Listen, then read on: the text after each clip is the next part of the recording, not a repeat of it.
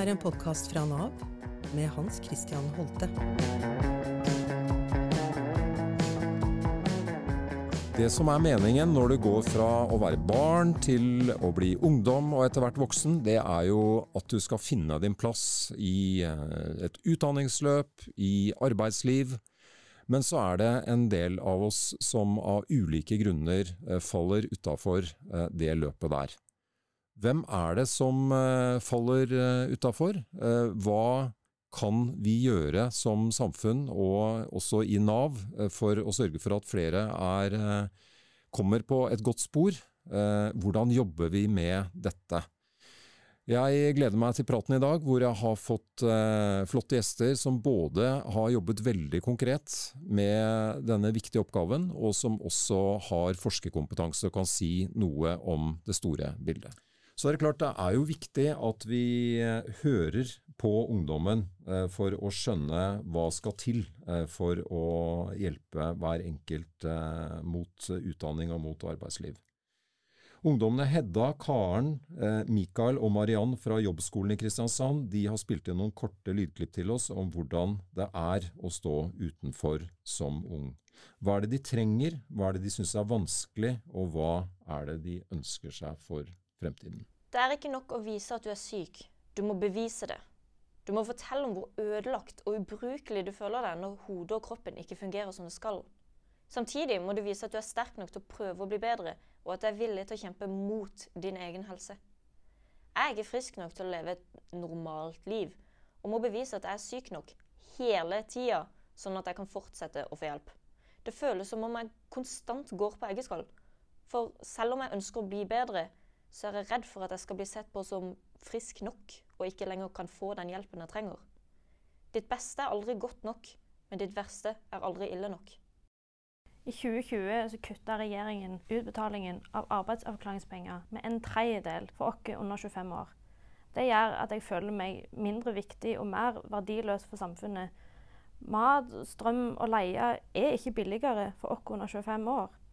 Jeg håpet at jeg kunne bruke starten av 20-årene på å bearbeide traumene mine og jobbe med spiseforståelsen. Istedenfor så drukner jeg i økonomiske bekymringer, symptomtrykket øker, og jeg føler at det er umulig for meg å bli frisk. Jeg har ikke råd til å bli frisk. Dette er nok en bekreftelse på at jeg ikke er verdt å satse på, og vi som målgruppe, vi er under 25, vi er ikke like mye verdt. For to år siden gikk jeg fra å gå på skole til hard jobbing. Så det jeg lærte, var at et av mine sterkeste ønsker er å kunne bidra og bruke min disiplin, kunnskap, tilpasningsevne, utholdenhet, ferdigheter og driv til å kunne stille som en sterk ressurs. Eh, når jeg ble møtt av en veileder, så trenger jeg mest av alt nestekjærlighet og forståelse. Vi som har behov for veiledning og oppfølging, står allerede i en sårbar situasjon og trenger skånsom og individuell behandling. Veiledere må ses som mennesker og ikke saksnummer. Vi er ikke en byrde og burde ikke trenge å føle oss som det. De blir betalt for å hjelpe oss, men det er ikke en ordinær jobb. Jeg trenger at min veileder innser ansvaret de har, og viser forståelse for både sin plass og min. Deres jobb er våre liv. Da har jeg fått eh, to gjester i studio her til å snakke om eh, ungdom eh, og ungt utenforskap. Det er for det første Philip Lyding, som er veileder på jobbskolen i Nav i Kristiansand, og som jobber med nettopp disse ungdommene som vi hørte her. Og det er Ragnhild Ekelund, som er forsker i kunnskapsavdelingen til Nav, og som forsker på ungt uh, utenforskap. Så kunne jeg tenkt meg å begynne med deg, Ragnhild. Om du kan si litt om eh, hvem er disse ungdommene? De som står uh, utenfor, hva vet vi om det? Det vi vet om unge som står utenfor, det er jo for det første at det er en veldig sånn eh, heterogen gruppe. Det er veldig mange, Den favner et veldig sånn bredt spekter. Um, eh, så vi har f.eks. noen som står utenfor en kort periode, typisk når man nettopp er ferdig med å studere, og så er man kanskje arbeidsledig en liten periode. De er vi ikke så fryktelig opptatt av i Nav, fordi at de blir ikke stående utenfor så veldig lenge. Stort sett så, så klarer de seg selv og, og får seg en jobb relativt raskt. Men de som vi kanskje er mest opptatt av når vi snakker om ungt utenforskap, det er de som trenger en langvarig og tett oppfølging fra Nav. De har jo gjerne nedsatt arbeidsevne. De mottar eh, ofte arbeidsavklaringspenger, som betyr at de har gjerne helseproblemer. Eh, det som også er, er at vi ser jo at de har helseproblemer, men disse helseproblemene er gjerne også innvevd i måte det man kan kalle mer eh, sosiale problemer. Det er veldig sånn komplekst, da. Og det her er på en måte problemer som gjerne har bygd seg opp gjennom hele oppveksten eh, og ungdomstiden. Um, sånn at når de kommer til Nav, så er det på en måte en sånn en veldig sånn kompleks, gjerne da, um, et komplekst bilde da, som kan beskrive de unge. Akkurat. Og, og, du har intervjuet mange veiledere i den forskningen som du har gjort uh, her. Mm. Eh, og det, det, komplekse, altså de sammensatte, det mangfoldet som finnes her, eh, det betyr vel at den enkelte veilederen må investere ganske mye for å, å se hver enkelt av disse ungdommene. Har de, har de sagt noe om det? Altså de, hvordan de jobber med, med disse møtene? Ja, um, det stemmer. Det er ganske mange ting som de veilederne trekker frem. De har jo ofte jobba med ulike aldersgrupper ikke sant, i løpet mm. av sin uh, tid som veileder i Nav. Uh, så det de trekker frem som er på en måte spesielt med å jobbe med unge, det er, um, som du sier, at eller, det er ganske sånn tidkrevende, da. Fordi at problemene er veldig komplekse, og de, de står jo ofte lengre unna arbeid ikke sant, enn folk som er litt eldre. Fordi at de har Eh, det er jo også et kjennetegn ved denne gruppen at de har ofte lite arbeidserfaring, de har gjerne ikke fullført videregående, mange av dem har droppa ut, ikke sant. Eh, sånn at den veien frem til eventuelt arbeid, da, den er ganske lang, og det krever veldig mye av, eh, av veilederne. Er det noe å si om, om, denne gruppa, hvis vi ser på de som vi jobber med i Norge, eh, sammenligna med, med andre land? Ja, eh, det som er med Norge, er at vi har egentlig ikke så fryktelig mange unge utenfor hvis vi sammenligner oss med eh, andre land i Europa. Men det som er med de som står utenfor i Norge, er at de står lengre unna arbeid. Og det handler om nettopp dette med at de har ofte helseproblemer. Um, og det har jo både sannsynligvis med måten ytelser og regelverk er strukturert i Norge, det er mye høyere krav til opptjening, f.eks., altså at du har tidligere arbeidsinntekt for å få dagpenger i Norge enn det er i mange andre land. Eh, og i hvert fall i Norge i forhold til eh, opptjeningskravet for å få arbeidsavklaringspenger. For da trenger du, aldri, du trenger ikke å ha noe tidligere lønnsinntekt da, for å få arbeidsavklaringspenger. Så det er nok en årsak. Og dessuten så er det sånn at arbeidsmarkedet i Norge der kreves det ganske høy kompetanse for å komme inn. Sånn at det i seg selv å ikke ha fullført videregående i Norge, det er på en måte en risikofaktor for å bli stående utenfor, da. Ja, nettopp. Så litt sånn oppsummert så er det en forholdsvis liten gruppe, men som egentlig har ganske store utfordringer. Altså de, de eh, kjenner kanskje på at ikke de har den kompetansen som eh, etterspørres i arbeidslivet. De har eh, feila litt når det gjelder utdanningsløpet tidligere. Eh, har du noe, Sier veilederne noe om, om, eh, om, selvtilliten disse ungdommene har, eller altså hvordan det, om, de, om de går inn i denne type eh, arbeid også? Ja, de snakker jo om at det de opplever når de på en måte møter disse unge på Nav-kontoret, det er at de forteller at de på en måte har gått på, på nederlag etter nederlag. Da. De har på en måte mange opplevelser med å mislykkes, og få opplevelser med å lykkes. Eh, sånn at det gjør jo noe med motivasjonen, og noe med på en måte eh, Ja, den selvtilliten som de har eh, når de møter Nav kanskje for første gang, eller ja. Ja, nettopp. Jeg kunne tenkt meg da å mm, få med vår andre gjest her, nemlig Philip. Eh, du har altså jobba med denne jobbskolen eh, i Kristiansand som disse ungdommene vi hørte her, eh, har vært en del av. Og den jobbskolen den må jo sies å ha vært en veldig vellykka satsing. Hvordan er den skrudd sammen? det er, altså det er et samarbeid mellom kommunen, Nav og fylkeskommunen, hvor vi som jobber der er Nav-ansatte. Vi eh, får midler både fra kommunen og fylkeskommunen, og så bidrar fylkeskommunen med lærere som bidrar til opplæring. Så vi har liksom både tilbud om oppfølging og opplæring på jobbskolen. Ja, og det er jo akkurat det forskningen viser også, at eh, for å lykkes så er det veldig viktig at vi samarbeider på tvers av ulike sektorer, for det er veldig vanskelig for eh, Nav å klare dette her alene. Hva er det som eh, er spesielt med det arbeidet som dere har gjort i jobbskolen? Noe av det som kanskje skiller den jobben vi gjør på jobbskolen fra det en ordinær veileder i Nav gjør, er jo at vi er der hver dag og møter ungdom hele dagen. Um, en ungdom som kommer på jobbskolen, får muligheten til å spise frokost sammen med oss. Ikke at det i seg selv er faktum at vi spiser sammen med dem, men det er òg en hyggelig effekt. At vi liksom har den, den nærheten at skillet mellom uh, ungdom og ansatt uh, er veldig lite. Um, vi fokuserer på mestring. Eh, vi, alt, alt, vi gjør handler om å skape mestring i hverdagen. Eh, om det være seg knytta til å ta fag, som vi har tilbud om, eller om det er ute i arbeidslivet, eller å håndtere det offentlige systemet for den saks skyld. Det der med å, å hjelpe de til å oppleve mestring i ting de ikke har opplevd mestring i før. Um, så, så, det tror jeg kanskje er liksom hovedfaktoren til at vi lykkes. Det er tid, og, og at vi er nært på, tett på sånn, eh, en typisk eh, situasjon, selv om, selv om, her er jo noe av poenget at folk og ungdom eh, mm. er veldig forskjellige, eh, og disse historiene er veldig forskjellige. Men, men en sånn typisk møte mellom en ungdom som kommer til deg eh, i jobbskolen, hva, hva du, hvordan vil du beskrive det? Hvor, hvor starter eh, dere hen? Vi får veldig mange ungdom fra videregående skole, eh, der de på vei til skrives ut av videregående, og så kommer de til oss for å få høre om tilbudet vårt for å ha en aktivitet som ikke er skole, og som kanskje er på veien mot jobb eh, eller videre skole.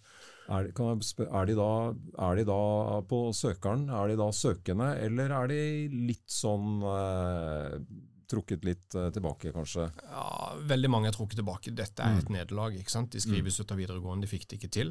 Og det er jo vår jobb å liksom, snakke om at her har du en anledning til å teste ut det du har lyst til. Mm. Um, vi jobber mye med at i første møte så må vi liksom finne ut om vi har et eller annet vi kan hooke ungdommen med.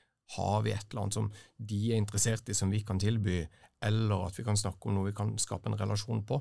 Eh, for på den måten så tror jeg vi liksom klarer å fange de på en positiv måte. hva, hva kan sånne hooker være? Det kan være at vi kan snakke litt om at vi har muligheten til å hjelpe deg til å få det fagbrevet sjøl uten å gå på skole. Eh, mm. For eksempel, vi har, eh, Tilbudet vårt er for de mellom 16 og 30. Hovedvekta er litt i starten av 20-årene. Men vi får veldig mange unge som ikke har fått det videregående skole, av ymse grunner. Og vi snakker om kvalifisering istedenfor å snakke om utdanning. Fordi bare begrepsbruken der, når vi snakker om at ja, men du kan få et fagbrev ved at du kan jobbe så og så lenge, eh, og liksom legge fram et løp som er forståelig, og eh, ikke, det er ikke langt eh, i en ungdomsliv når en liksom tegner et bilde, selv om det oppleves veldig langt i starten. Um, eller det kan være en helt sånn enkel ting som at vi har felles interesser. Uh, spiller fotball på Løkka, så blir han plutselig snakkende om fotball, og så har vi en relasjon, eller vi har en start på en relasjon i hvert fall, uh, som gjør at vi kan bygge videre og få de til å ha et lyst til å komme til oss. Um, nøkkelen er frivillig. Det er et frivillig tilbud hos oss. Uh, ungdommene skal komme dit fordi de har lyst, og da må vi gjøre det interessant. Vi må gjøre at de har lyst til å være der. Jeg har jo sett eh, noe av det som jobbskolen har gjort, som er egentlig ganske sånn eh, utadretta. Altså det å, å, stå på en scene og fortelle sin historie, eller eventuelt et dikt. Eh, spille små skuespill. Altså eh, Hva betyr det i denne jobbskolen, eller hva, hva, hva vil dere med det? Det handler jo litt om å gi dem en mulighet til å blomstre på noe de ikke har fått muligheten til før. Det handler om å ta vare på de ressursene dine har. Og så er det noe med at Gjennom å fortelle sine historier så er de med på å definere hvordan f.eks. denne samtalen her er. Og, og, det å se demokrati i action, det er noe jeg ser at ungdom har veldig godt av og veldig mye glede av. Eh, for de ungdommene som f.eks. Hedda, Mariann, og Mikael og Karen, så opplever jo de nå at de er med å definere hvordan en samtale om ungdomsarbeid skal være. Eh, og det i seg selv er sunt.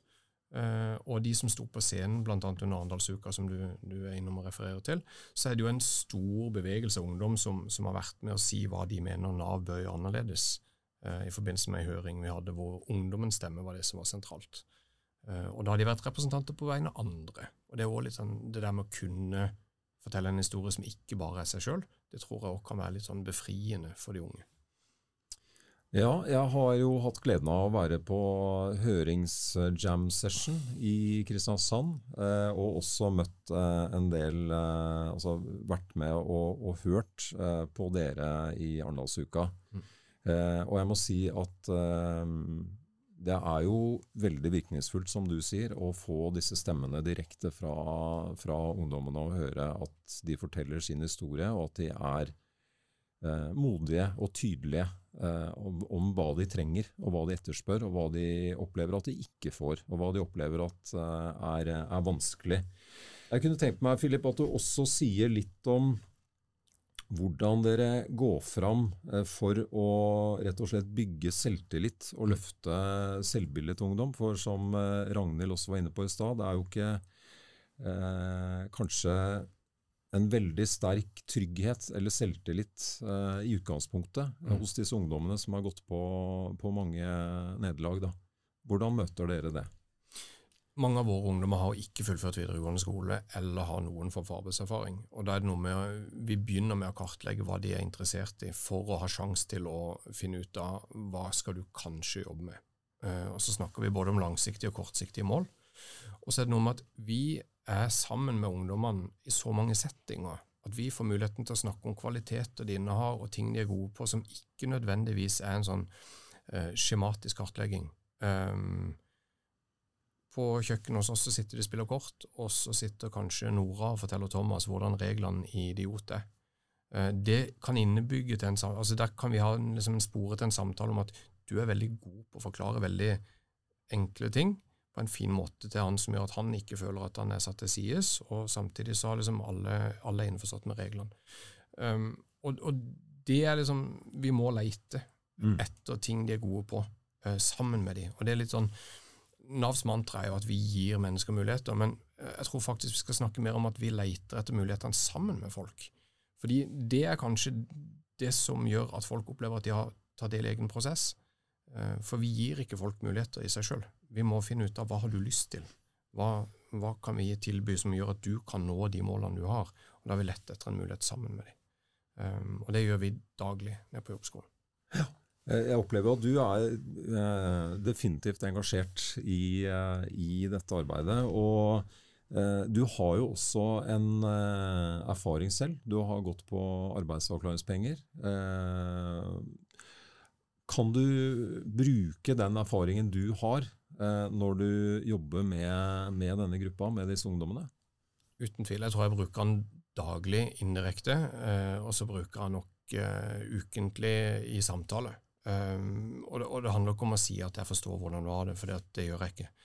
Men jeg forstår noen av mekanismene du gjennomgår. Mm. Jeg har gått mange år på AP etter ei arbeidsulykke, så jeg har liksom en, for, for, meg så var det at jeg fikk den inntektssikringa helt nødvendig. Eh, samtidig så måtte jeg kjempe mot eller rundt et system, både helsemessig og eh, gjennom Nav. Og det å ikke bli ufør for meg har vært vanvittig viktig. Eh, selv om det systemet så nok det som det enkleste eh, tidlig i løpet mitt, at det skulle liksom være nøkkelen. Eh, og, det overfører jeg litt til ungdommene, at jeg var der. Mm. At systemet vurderte at jeg ikke kom til en arbeidsevne.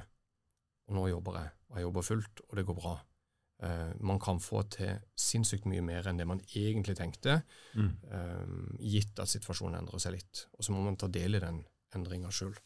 Uh, eh, så jeg bruker det aktivt hver dag fordi at det har en effekt for andre å se at det går an.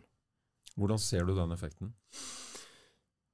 Jeg ser at ungdommene får et annet perspektiv. Jeg, jeg, hører på måten de stiller meg spørsmål på. for det, Ofte så blir de interessert hvis en snakker om det. Så stiller de spørsmål ja, men hva gjorde du, eller hvordan, hvordan håndterte du å gå lenge uten å gjøre noe? Hvordan fant du mening, hvordan fant du mål? Og så snakker vi om det. At det handler ikke om de store målene med en gang. Av og til så handler det om å sette seg vanvittig små mål og nå de. Og det er jo litt den der Vi kan ikke eh, forvente at ungdom som ikke har opplevd mestring på lang tid, plutselig skal sette seg et mål om at jeg blir advokat.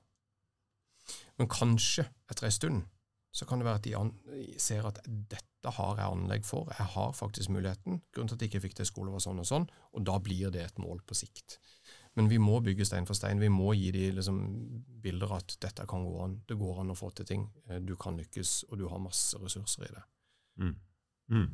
Og, og, der eh, hører jeg jo at dere, dere tar dere tid, på en måte. Dere jeg opplever at det du sier, er at du, du jobber jo med en framdrift, en plan, eh, mestring, bygge mestring, samtidig som eh, det er noe med å la det ta den tiden det trenger, hvis jeg forstår deg riktig? Helt riktig, og ting tar ofte tid i sånne prosesser. og det er noe med, Der er vi privilegerte, vi har ikke et press om at de skal ut så og så fort. Vi eh, får lov til å jobbe med flere spor samtidig. Vi kan gi dem både litt utdanning og arbeidserfaring. Og, og det at de får muligheten til å mestre på flere arenaer, gjør at vi tror de står tryggere seinere. Eh, for da faller ting litt på plass. Ja. Hvis vi, hvis vi da eh, ser på de mange unge som er i, i dette løpet med arbeidsavklaringspenger og arbeidsavklaring. Eh, hva kan vi si, Ragnhild, om eh, litt sånn i stort, da, om hvordan det løpet fungerer? Det vi vet om AAP-løpet for eh, alle, ikke bare for unge, eh, det er at det tar ganske lang tid før det kommer i gang en aktivitet. I, i arbeidsavklaringspengeordningen så ligger det at det skal være det er et aktivitetskrav der. Mm. Det skal være aktivitet. Og i Nav så er man veldig opptatt av at man skal gjerne kombinere medisinsk behandling også med den aktiviteten som er mulig å få til, parallelt med det. Eh, studier har vist at det har tatt opptil gjerne rundt et år før man kommer i gang med noe aktivitet.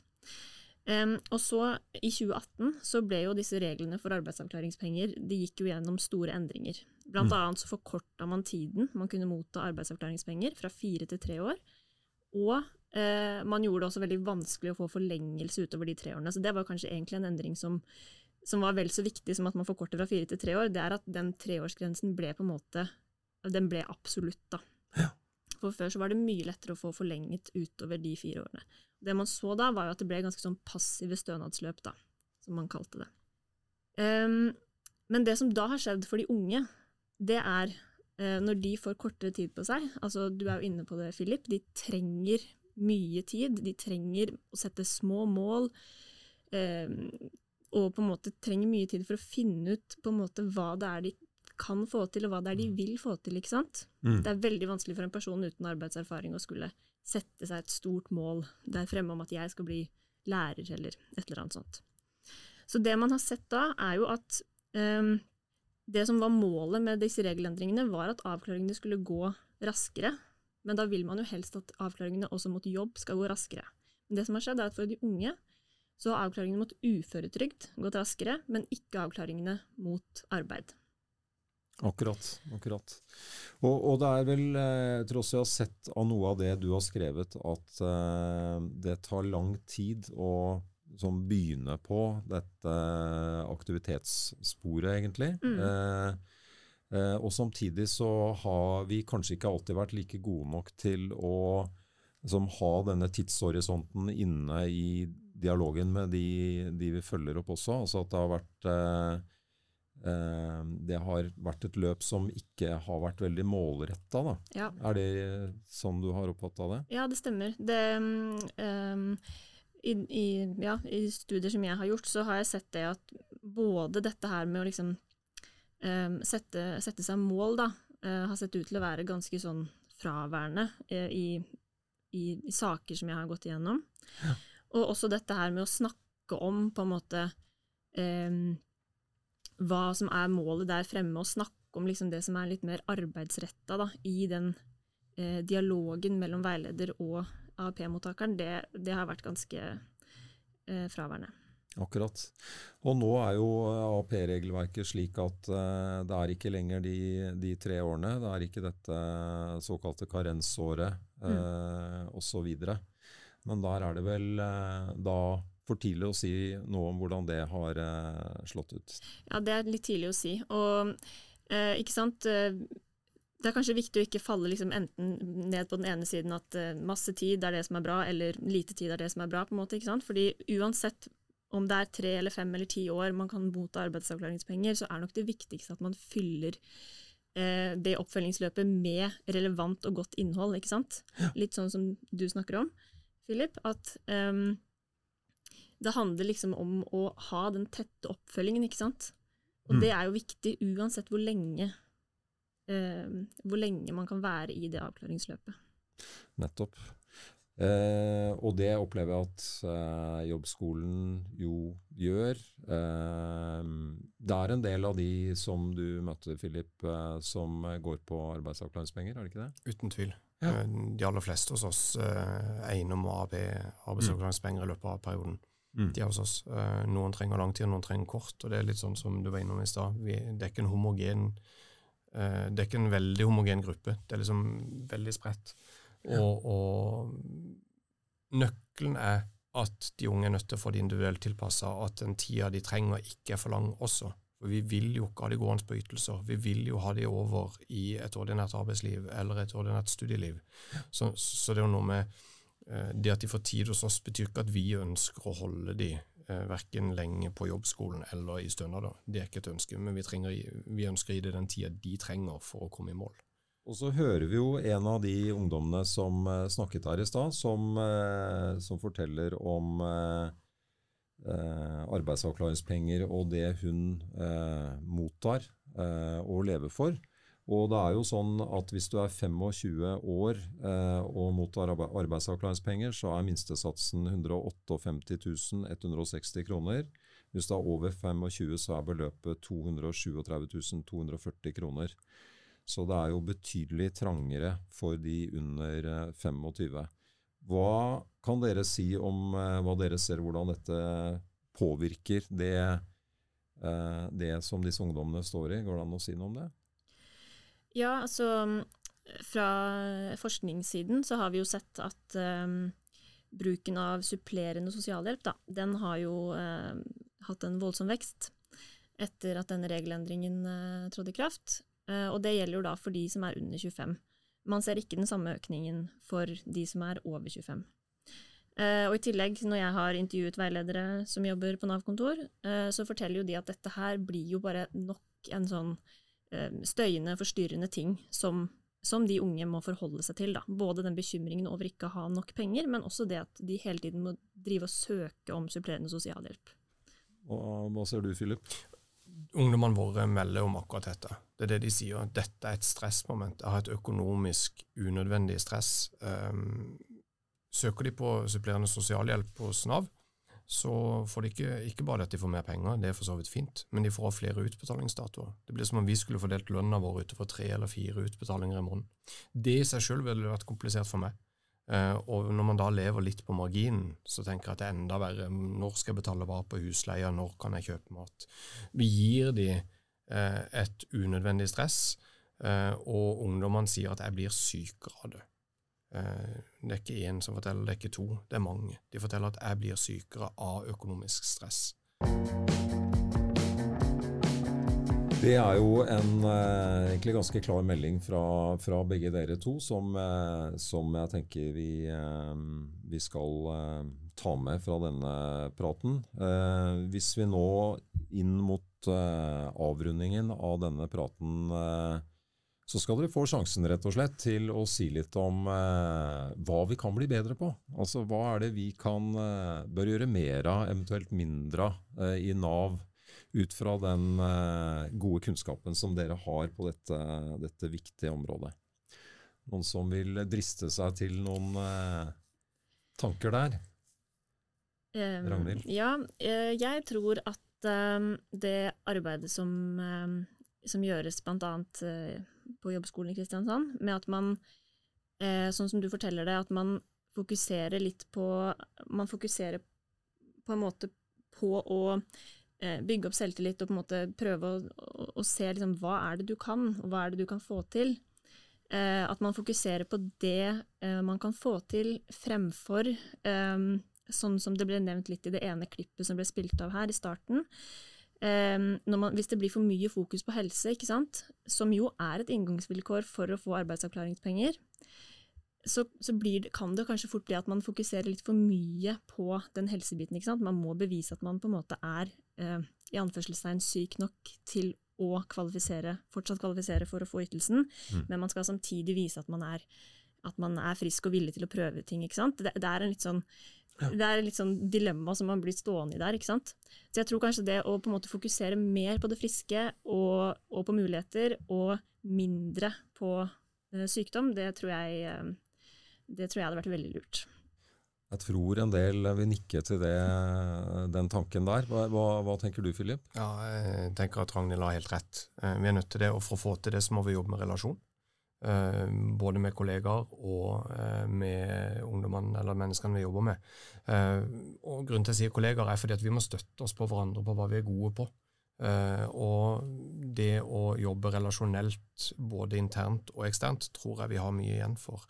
Uh, og så må vi ta ungdommene på alvor og tenke at du kan få til mer enn du tror. Vi må være fanebærere for de sitt håp. Uh, fordi at de har ikke håp i utgangspunktet, mange av disse ungdommene. Uh, og da må vi være de som løfter det håpet om at du kan mestre, du kan få til, gitt at du får støtte fra oss.